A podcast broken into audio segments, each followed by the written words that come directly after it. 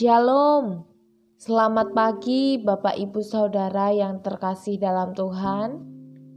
Bagaimana kabarnya hari ini? Puji Tuhan, kita dalam keadaan yang baik, dan itu semua oleh karena kasih karunia daripada Tuhan, ya. Mari kembali kita siapkan hati, pikiran, dan diri kita untuk bersama berdoa dan merenungkan firman Tuhan.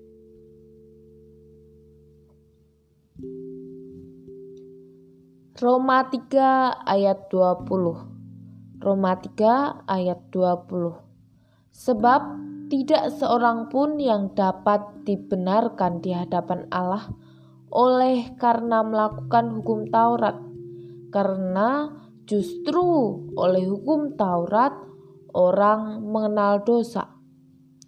Sebab tidak seorang pun yang dapat dibenarkan di hadapan Allah oleh karena melakukan hukum Taurat.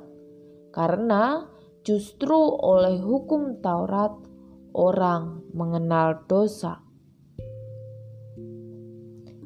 Bapak, ibu, saudara, pada pagi hari ini kita akan merenungkan bahwa manusia ini dalam keadaan yang sengsara.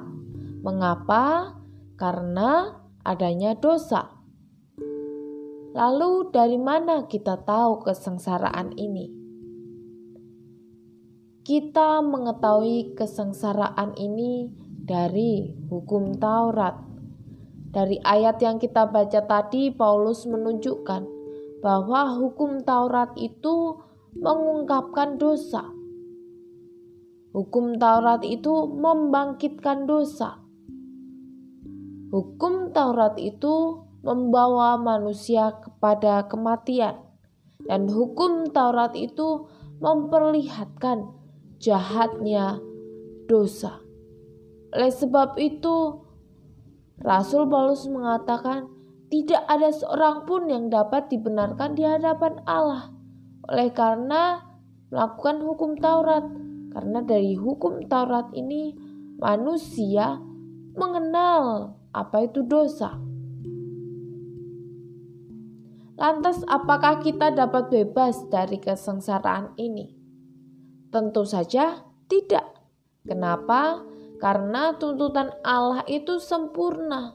Hukum Taurat menuntut kita untuk mengasihi Tuhan dengan segenap hati dan mengasihi sesama kita dan kita tidak dapat melakukan tuntutan-tuntutan itu dengan sempurna, Bapak Ibu Saudara. Manusia telah mengalami kegagalan-kegagalan di hadapan Allah. Sebagai orang berdosa,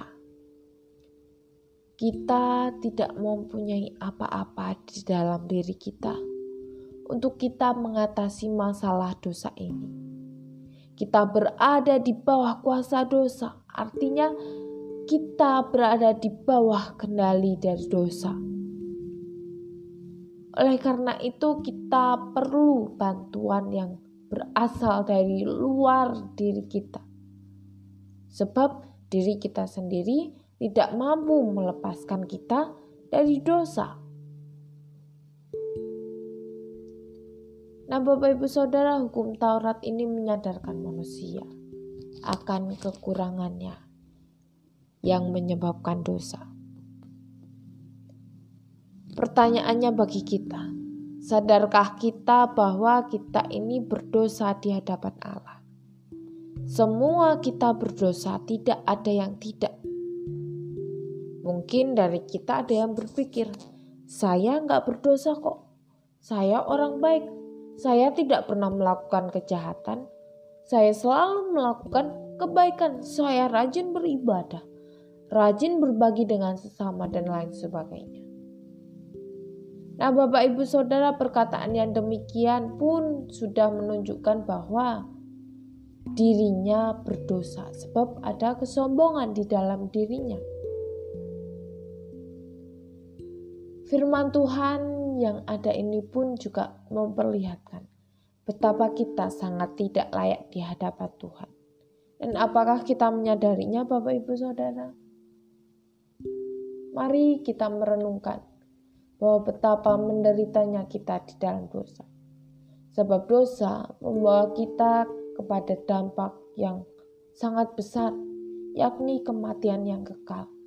Dalam kematian yang kekal itu tidak ada pengharapan, hanya ada hukuman dan penderitaan dan tidak ada seorang pun yang mampu membebaskan kita.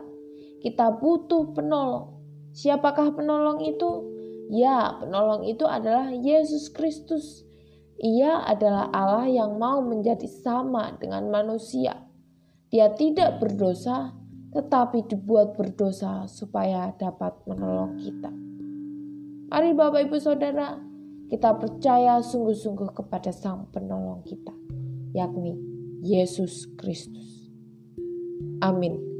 Tuhan Yesus memberkati kita semua. Shalom.